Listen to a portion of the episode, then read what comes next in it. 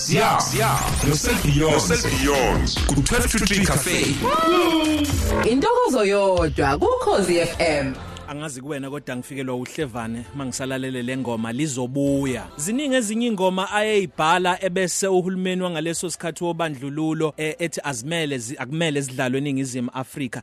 Zipurukutshele ngandlela thizeni kodwa ugcine usuzizwa ingoma zakhe umadlokovu esingathi ngomunye wabantu esiqhenyayo makukhulunywa ngoNelson Mandela kukhulunywa ngo Dr Joseph Shabalala kukhulunywa ngo Miriam Makeba kukhulunywa angazi obanye abanye engingabasho. Awukwazi kumshiya umbongeni ngema sixoxe naye masibuye 20 minutes to 3 emsakazweni ukhosi FM usola ku 90.1 ke ku 107.4 makusanda ungena nje noma usanda ukuvulela wona lo msakazo. Sikhuluma nengalabuthi sikhuluma no Mbongeni Ngema khona la emsakazweni. Sal Beyonce kane no Sia um uh, baba Mbongeni okunye futhi engifuna ukuthi ngikubuze khona la ngikhuluma ukubuka ngendlela owawukwazi ukukhetha ngayo ikhono ngendlela onehlo ngalo ku- kumuntu onekhono ongabona futhi ukuthi engahamba impela ibanga elide la kezigaqeda izungu ngifuna ukwazi ukuthi wawukwenza kanjani lokhu? Yini into ewakwengibona ukuthi eh eh, lo ikhona into ekhona. La ngibala abantu abafana nosomizi mhlongo owenza izinto ezimangalisayo njengamanje osakhona. Sikhuluma ngo baby cele owenza izinto ezimangalisayo njengamanje. Kukhona ku TV usakhona.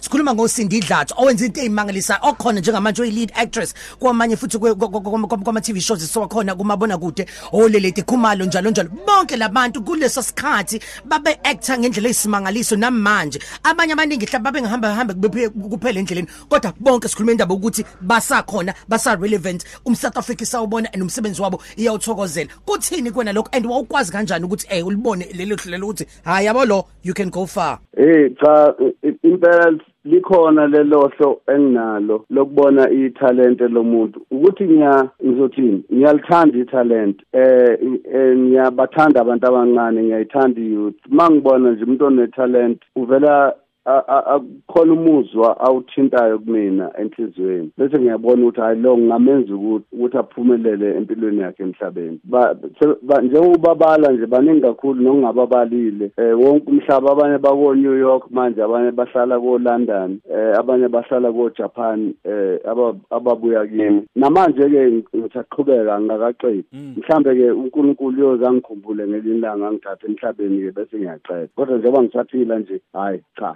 ngisakwenza namanje. Kuze kube nehlayo emadlokova ngazi noma uyalazi yini ukuthi amacika asuke esebenze ngaphansi kwesandla sakhe ahleze ixoxa le ndaba yokuthi emva kokuthi mhlambe mase sekuyilungiselelwe mhlambe amasonto ama ayisithupha noma izinyanga ezimbili ku rehearsal kuthiwa hayi siye America siyokwenza lo mdlalo weshashalazi. Ebese mhlambe kube khona oyedwa owenza nje iphutha sekusele 2 weeks kuthiwa vele usondele kuyena uthi "U- usa- usaya nje New York. Usaya angiboni ngisho angiboni ukuthi usanje New York. Qhubeka qhubeka ayithiwa qhuma umuntu ngimbuza ukuthi uthi uyaya nje le so njalo impela Ngo- ngokweqiniso lokhu lokhu ngibona ukuthi kuveza elinye ikhasi. Ngiyazi ukhulume ngokuthi uyalithanda italent kodwa ukusebenza kanzima lokho esingathi iwork ethic kusho ukuthi umuntu nje ongalifuni nakancane iphutha. Hayi kakhulu hayi iphutha ngihambisani nalo. Kunomdlalo omusha ukuthi sewenza phoqa i-covid ngabe ngiwuqale ngomarch. Ngithe ngithi ngiyawuqala eh upresident ke wasethi hayi a- a- asiyeke yonke into. Sengiyacabanga ukuthi ngizoqala ngonyaka ozayo u- i-musical enhle engizoyenza eh eh about istory sika baba uNelson Mandela engibiza ukuthi igama layo i-musical yami i-song for Mandela eh umdlalo omusha lo ozayo. Wow ngisazofuna ke ama-talent kakhulu ke azongena kuyo i-song for Mandela. Madlokovu ngiyazi ngike ngabuza ngaphambi kokuba siye ngomeni uwoza mayifohloza ingoma zakho lezi okwakutholakala ukuthi hayi kuthiwa ngeke isadlala ikhona enye bese kungewona uhulumeni wobandlululo. Ngiyasaba ngoba ikhuluma ngabomdabu eh, eh, eyayivalwa. Kuwena mawubhala lezo ingoma usukungenayo yini into yokuthi hayi ngathi kuqosheme lokhu la ngazi ukuthi nje ngempela hayi cha eh, eh, eh, noma ngisebenzise isoka. Kokunye nje uvela uyishiye njengoba injalo into. Singathini? Lokho kufana no Picasso efuna nje ukupenda into yakho ngo- ngokosenhlizweni engafuni ukuthi kube khona izinto azoyifihla.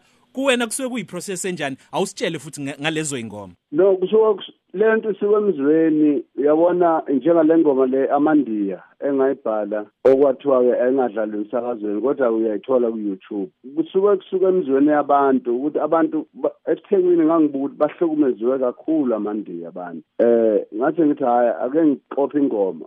Bangithatha-ke amandiya ngisey'nkantolo ngaze ngabizwa ubaba Mandela ngafike ngamchazela naye cha ngeke le ngoma ngiyihoxise eh ngoba i- i- i- i- imizwa yabantu abamnyama abahlukumezwa amandiya ekakhulu enda- end- endaweni yaseNatal endaweni yaseKZN. Hayi wangilalela ke naye ubaba Mandela eh kodwa iSABC iyayidena kodwa leyo ngoma ikhona iyatholakala. Nezinye ke eziningi ngeyikhathi zobandlululo nje ingoma zami zayingadlalwa ukhansas nje ngoba ngikhuluma ngaye owayechokozini FM nguye kuphela owayenesibindi sokudlala ingoma zami. Njengesitimela sasezola nje eh babeyibhenile kwaleyo ngoma kuthiwa ngi- ngipromote Kentucky kodwa ukhansas wayedlala ngenkani. Mase sibuka nje njengamanje baba mawusu ngoba u- u- usube khona isikhathi eside khona ku- ku- ku- ku- kulomkhakha ungabe sisahamba ngendlela ekahle na? Ungabe uhappy eh, ngeindustry ngendlela ukuthi ekhona njengamanje? Kukuphi la khona esingashintsha khona ikakhulukazi thina labe sibancane sisabukela khona kunina. Yebo amaphutha siyawenza. Ikephi la esingashintsha khona? Ikephi la futhi ungathokozile khona? Sengiqale umkhankaso omusha manje njoba sengikhulile. Eh ngibiza isitimela sasezola. Ngithi bonke abantu abagibela lesitimela abesilisa. Into ephathelene ne-gender based violence ukuhlukumezeka kwabantu besifazane behlukumezwa abantu besilisa. Ukuthi ay- lento ak- akuyona into ye-culture yethu. Sasibahlonipha. Omkhulu nje mina ngazala umkhulu wami umkhulu wami wayenabafazi abaningi kodwa wayebahlonipha bonke abafazi bakhe.